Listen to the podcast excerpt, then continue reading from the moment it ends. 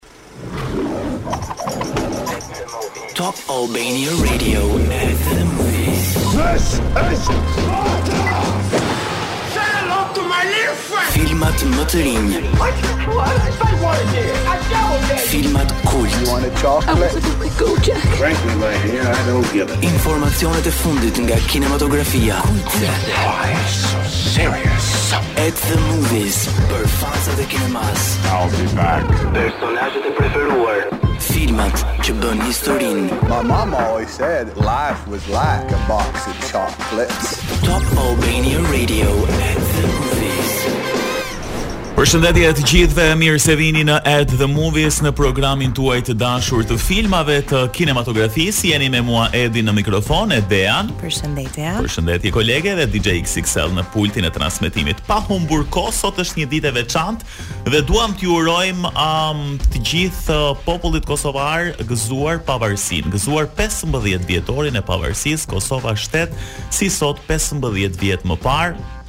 Pas shumë peripecive edhe shumë mm. jetëve të humbura, më në fund Kosova gëzon shtetin e saj që është duke u konsoliduar dita ditës. Pra kemi patur dy ditëlindje kësaj jave, kishim 25 po. vjetorin e radios, kemi dhe 15 vjetorin e mhm. pavarësisë mm -hmm. së Kosovës, por kjo është e premtja që ne ja dedikojmë njerëzve që dashurojnë filmat, që janë filmdashës dhe specifikisht do flasim për dy nga premierat më të fundit në Cineplex, Dhe jo vetëm, por duke qenë se sot është një ditë shumë e veçantë për vëllezërit tanë kosovarë, donim t'i përshëndesnim dhe duam faktikisht që gjatë gjithë këtij emisioni të na ndjekin këngët më të bukura kosovare, shqiptare, kolona zanore filmash, kështu që pa humbur shumë kohë. Mm -hmm, kemi zgjedhur këngë shumë të bukura nga disa nga grupet më të njohura uh, dhe do të jemi me muzikë shqip sot gjatë gjithë programit. deri në orën 15. Nuk ka më bukur se kaq dhe sa herë që kemi uh, muzikë por edhe filma shqiptare ashtu siç do të flasim për kinematografinë shqiptare dhe kosovare më saktë në pjesën e dytë. Kështu që e nisim me Trojën Amaneti. Mirë, kthehemi tani për të nisur me premierat e Cineplex. Janë dy të tilla, edhe njëra bën fjalë në fakt për një komedi romantike që do ta zbërthejmë pak, po sigurisht duke mos e zbuluar të gjithën dhe një është pastaj që i përket po themi filmave me superheronj që padyshim janë shumë të preferuar, është i treti në radhë. Por e nisim me What's Love Got to Do With It. I'm getting married. You are? Teksa filmon martesën me shkuesi të mikut të saj më të mirë, I'm getting an arranged marriage. Well, assisted marriage. Zoe kupton se ka diçka më shumë mes tyre. Mo here, Mo the matchmaker. A mund të transformohet miqësia në dashuri? You're thinking with your lulu, you need to be thinking with your nunu, okay? Dhe më e rëndësishmja, a do e gjejë regjisorja guximin për të thënë të vërtetën e saj? This is top of the food chain. What's love got to do with it? No dogs, no pets. Në Cineplexx TEG dhe QTU. What's love got to do? Got to do with it, baby. Okej, filmi flet për një producente filmash që vendos të ndjekë rrugëtimin e shokut të saj të ngushtë drejt një martese me mblesëri. Faktikisht ajo është e origjinës indiane, por ne këto martesat me mblesëri nuk është se nuk i kuptojmë dhe ne shqiptarët, kanë ekzistuar për një kohë. Po, vijojnë të ekzistojnë akoma. Por ka dhe kultura specifike të cilat e kanë shumë të rëndësishme që djali i tyre i familjes ose vajza e tyre të martohet me dikë që vjen nga e njëjta origjinë. Por ndonjëherë duhet ta shohim njeriu që duam në krahët e dikujt tjetër për të kuptuar se kemi ndjenja për të. Dhe filmi What's Love Got to Do With It flet pikërisht për këtë dashurinë e fshehtë, ndonjëherë të paartikuluar dhe të pakuptuar dhe nga vetë personi që e ndjen këtë ndjenjë, është ajo dashuria që ndoshta jeton në hije dhe zakonisht ose jeton gjithmonë e fshehtë ose shpërthen në momentin e gabuar. Është një kast miks aktorësh britanikë, pakistanezë si Lily James, Emma Thompson, Shazad Latif. Kjo është një komedi romantike që unë mendoj se nuk duhet humbur. Mm, jo më kot edhe e quajtëm ndërkulturore sepse përveçse edhe um, po themi në role përfshihen aktorë që janë kombësi të ndryshme, britanikë, indianë, pakistanezë, Por, ndërthuren edhe kulturat e vendeve, ë një, po themi, miqësi që zhvillohet nga Londra në Pakistan, secili ka traditat e veta, ashtu siç ne kur japim ndonjëherë dhe marrim nëpër qytete të ndryshme të Shqipërisë, edhe padyshim që përballemi me traditat dhe kulturat e gjithsecilit qytet dhe kjo është një gjë shumë e mirë. Megjithatë, teksa po lexoja kritikat, filmi tregonte edhe nëse funksionojnë apo jo martesat me mblesëri që kush ishte konkluzioni konkluzioni si ishte që jo jo jo jo jo jo, jo nuk funksionojnë nuk funksionojnë megjithatë nuk është kjo gjë e prerë me thikë se um, sa herë që bëjmë diskutime të tilla edhe me shoqërinë marrim shembullin e prindërve tanë që kanë funksionuar etj etj megjithatë nuk mund ta themi dot me siguri. Në Këto kohë moderne mendoj që jo. Mendoj edhe unë që jo. Ndoshta edhe jo. po. Mirë, kalojmë tani nga kjo komedi romantike tek uh, Ant-Man and the Wasp: Quantumania. Ndjekim pak trailerin.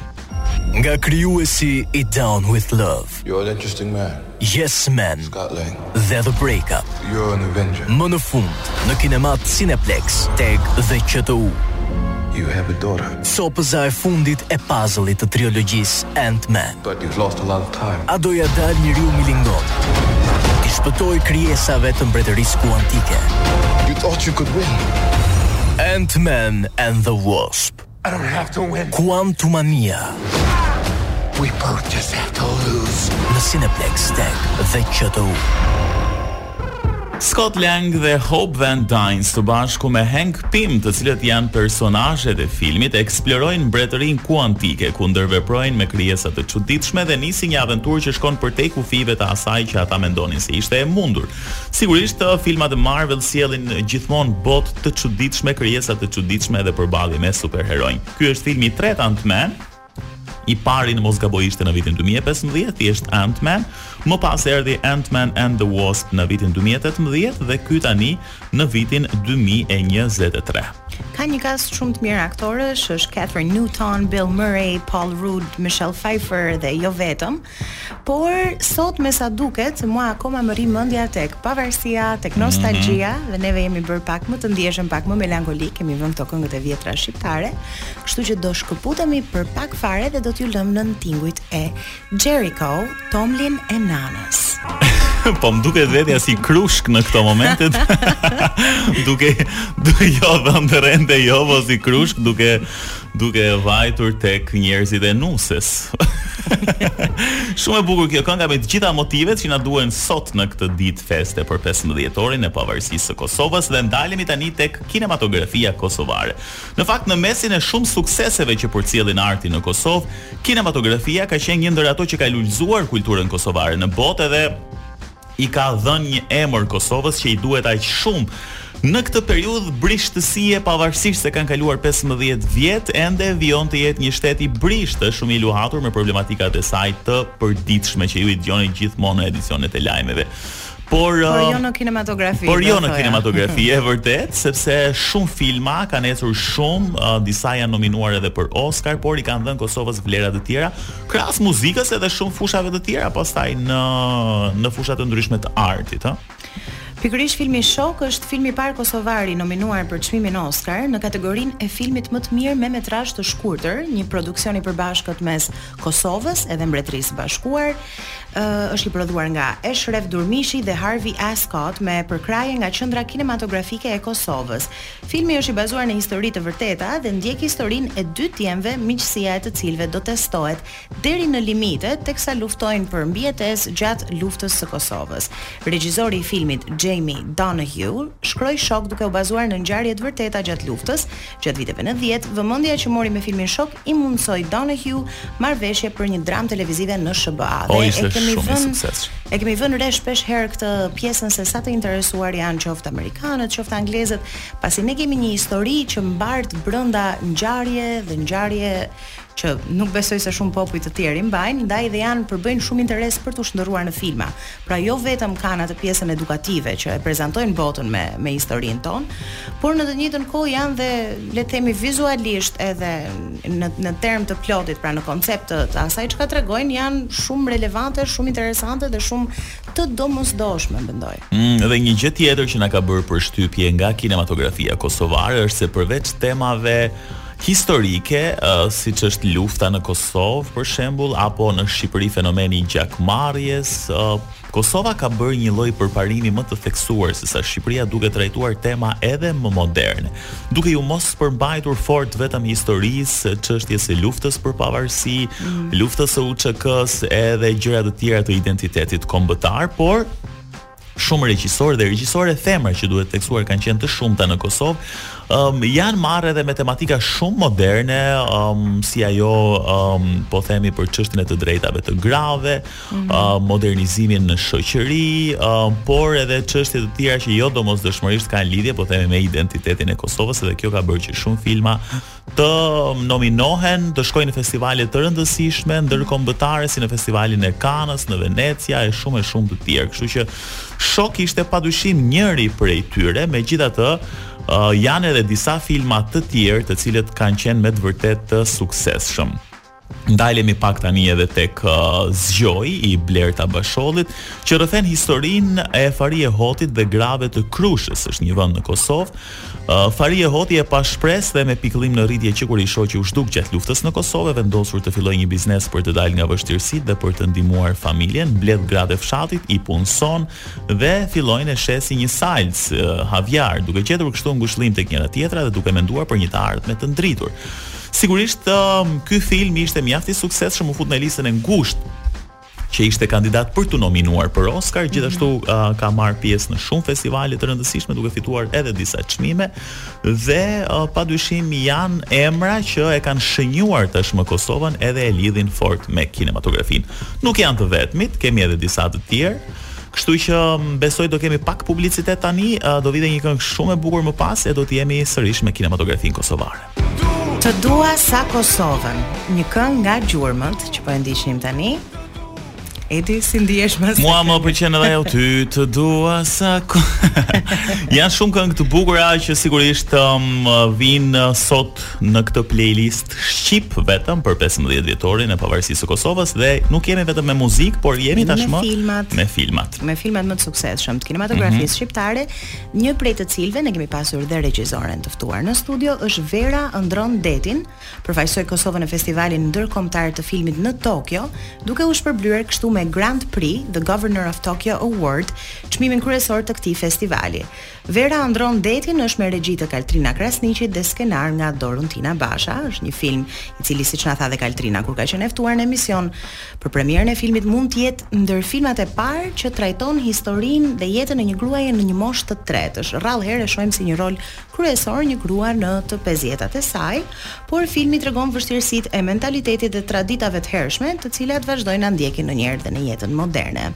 Pas vetvra, vetëvrasjes së papritur të shoqit, Vera përballet me një paradë të padëshiruar kërcënimesh nga kushërinjtë që pretendojnë se shtëpia është e tyre, pronat janë të tyre. Këtu faktikisht ndalemi prapë tek ajo pjesa e debateve që janë nuk dua të them alla shqiptare, po janë shumë shumë të përhapura edhe shumë reale për shumicën prej nesh. Nuk mendoj se ndonjëri prej nesh nuk e ka përjetuar një histori që është një kushuri, një person që kërkon një pronë, pra po trajtohet diçka që është shumë reale e shoqërisë tonë, po specifikisht do thoja është pak më prekëse dhe është pak më Më ndryshe për shkak se personi që po përballet me gjithë këtë dramë është një grua në të 50-tat mm -hmm. e mhm. saj që është vetëm. Edhe është pikërisht ky fenomeni që është edhe në Shqipëri edhe në Kosovë, ndoshta jo shumë ditët e sotme, por është kjo çështja e trashëgimisë, që gjithmonë, trashëgimi në një shtëpi marrin vetëm djemtë e shtëpisë, edhe gratë nuk e kanë këtë të drejtë sepse martohen, shkojnë tek burri i tyre dhe në një farë mënyre ata mund të kenë pjesë tek burri i tyre, Po jo tek familja, gjë që nuk duhet të ndodhë, sepse fëmijët janë të barabartë dhe nëse ka diçka për t'u trashëguar, padyshim që duhet të trashëgohet në mënyrë të barabartë si tek vajzat edhe tek djemtë. Megjithatë, problematika të tilla sigurisht janë vënë re dhe janë shndërruar edhe në filma si ky që sapo përmendëm tani. Ecim me Pa vend është një ndër pesë filmat më të mirë evropianë me metrazh të shkurtër, me regji nga Samir Karahoda, edhe ky është nominuar për çmimin prestigjioz të Akademisë Evropiane të Filmit, e cila nderon arritjet më të mëdha në kinematografinë evropiane. Ky është nominimi i parë gjithashtu për një regjisor nga Kosova, kështu që Pa vend absolutisht i shtohet listës së filmave më të mirë të viteve të fundit, që ka dalë sigurisht nga produksioni kosovar. Më duket sikur ke marrë përsipër ti të flasësh për regjisorët meshkuj. Pra ta po, Vena, nuk është e qëllimshme aspak. Nuk është e qëllimshme. Jua premtojmë, një film tjetër është Luaneshat e Kodrës nga Luana Bajrami, i cili është shpërblyer gjithashtu me çmimin Fipreski, që ndahet nga Federata Ndërkombëtare e Kritikëve të Filmit. Për regjisorët nga Evropa Lindore me filmin e parë ose të dytë të gjatë, shfaqur dhe në festivalin e Kanës, flet për historinë e tre vajzave adoleshente në një fshat të thellë të Kosovës, të cilat mundohen t'i japin zgjidhje ëndrrave të tyre. Ndërkohë, kemi uh, edhe një film i cili uh, është duke u xhiruar momentalisht dhe e kemi futur në listë sepse pretendohet të jetë gjithashtu një film shumë i suksesshëm që ka për të ecur shumë në festivalet ndërkombëtare dhe pse jo të jetë edhe një i nominuar për Oscar. Bëhet fjalë për Burri i shtëpisë, është me skenar dhe regji të Andamion Murataj. Them, uh, bëj këtë parashikim për këtë film sepse skenari ka fituar disa çmime, pra përpara se të shndërrohej në film, mm -hmm. në disa prej eventeve ku ka marrë pjesë edhe disa kompeticione. Ka në thelb një histori autentike shqiptare që është historia e një burrneshe në ditët e sotme. Pra flet për fenomenin e burrneshave, pikërisht ajo që the ti pak më parë që shpesh herë ndoshta më shumë në të kaluarën, duke qenë se gratë um, kanë mbetur të vetme në shtëpi edhe për shkak të luftës, por edhe për shkak të fatkeqësive të tjera, u është dashur të shndërrohen në burra në thonjza në këtë konceptin uh, e të mbajturit të shtëpisë, të kujdesurit për familjen e tyre, të rriturit fëmijët. Është një farë premtimi ai faktikisht. që bëhet më së shumti nga zona e veriut. Mm -hmm. Dhe këto gra sepse shumë shumë pak njerëz dinë shumë informacione për burrneshat, por burrneshat i bëjnë një lloj premtimi familjes dhe vetes së tyre që nuk do martohen dhe nuk do lindin kurrë fëmijë, për shkak se u është dashur të shndërrohen në këtë pikërisht që the burrin e shtëpisë, ndoshta në një moshë të herët, ndoshta për shkak të humbjes së figurës mashkullore në familje. Dhe duket se um, ky skenar, i cili thashë ka fituar disa çmime, është mrekullisht ndjellës rreth kësaj bote të mistershme dhe të çuditshme nga këto karaktere që mbase bota nuk i percepton shumë, por që ne i kemi shumë të veçanta, kështu që edhe burri i shtëpisë, um, keni parasysh se këtu flitet për një burrneshë, po jo më kot është titulli burri i shtëpisë, pra Një grua që është dashur të shndërrohet në burrë për të mbajtur familjen mm. e saj. Kemi edhe një të fundit? Po, është dhe një film e, me regji të Adriana Matoshit, i cili unë u çudita kur zbulova se është kandiduar për 19 nominime të ndryshme mm -hmm. dhe ka fituar pikërisht 8 çmime. Filmi quhet Zana ose siç i themin ne shqiptarët, Orët dhe tregon historinë e një vajze të re e cila ka probleme me fertilitetin Dhe është ai momenti që familja, zakonisht vjehrri, vjehrra ose pjesa tjetër e familjes së bashkëshortit kërkojnë me dos, domosdoshmëri që gruaja të lindë një fëmijë, por për shkak se kjo është infertile, ata vendosin të zgjedhin këto metodat sporadike shqiptare, prapë do thoja për të shkuar tek magjitë, tek zana tek orët e të tjera, e të tjera që janë të shumta në Shqipëri e në Kosovë. Por e vërteta e hidhur është sepse gjatë luftës së Kosovës kjo gruaja kishte humbur fëmijën e saj të parë, ndaj sa herë tani tenton që të ketë një fëmijë të dytë, përballet me ato tmerret e natës në gjumë ku i kujtohet humbja e fëmijës së parë gjë që vështirë se mund të harrohet. Ka shumë për të mësuar edhe për historinë e Kosovës edhe Shqipërisë nëpërmjet filmave, kështu që padyshim um, ndonjëri prej të cilëve u pëlqeu më shumë duhet të zgjidhni ta shikoni me patjetër. Ndalemi tani tek një këngë që sa herë bëhet fjalë për festë, ne jemi këtu duke e kënduar të gjithë një zëri sepse e dimë përmendësh. Është në tren për Prizren nga Besart Halimi dhe Heli Band. Po dëgjoni Dissident nga Asgjë sikur dielli. Ne kemi mbërritur në fund të emisionit për këtë të premte. Ju sugjeruam dy premierat më të fundit në Cineplex, What's Love Got to Do With It dhe Ant-Man and the Wasp Quantumania, kështu që nxitoni të bleni biletat tuaja, qoftë në Cineplex TEG ose QTU ose me anë të aplikacionit online. Ndërkohë kemi edhe një fitues për të shpallur sa i përket kuicit të javës që po lëmë pas. Dhe fituesi është Vangjel Ndino, i cili mund të vijë tek Arena dhe të tërheqi biletat e tij dhe mund të përzgjedhë cilin film të dëshirojë për të parë gjatë kësaj jave. Okej, vijoni të bëheni pjesë e kuiceve tona që publikojmë çdo javë në faqen e Instagramit në Top Albania Radio, ku shfaqim një pjesë nga një film pa zë dhe ju duhet të gjeni se çfarë është thënë nga një aktor Ore dhe keni aty do ta kuptoni shumë kollaj, komentoni sa më shumë që të bëheni fitues të dy biletave për në Cineplex. Jemi në fund, do ta mbyllim me një super këngë që vjen nga Top Media e cila ka bërë shumë këngë, mm, po themi patriotike shqiptare gjithmonë çdo fund vit është Xhamadani vija vija që padyshim i shkon shumë për shtat, gëzuar pavarësinë Kosovë edhe dëgjohemi sërish të premten e ardhshme. Kalofshi bukur.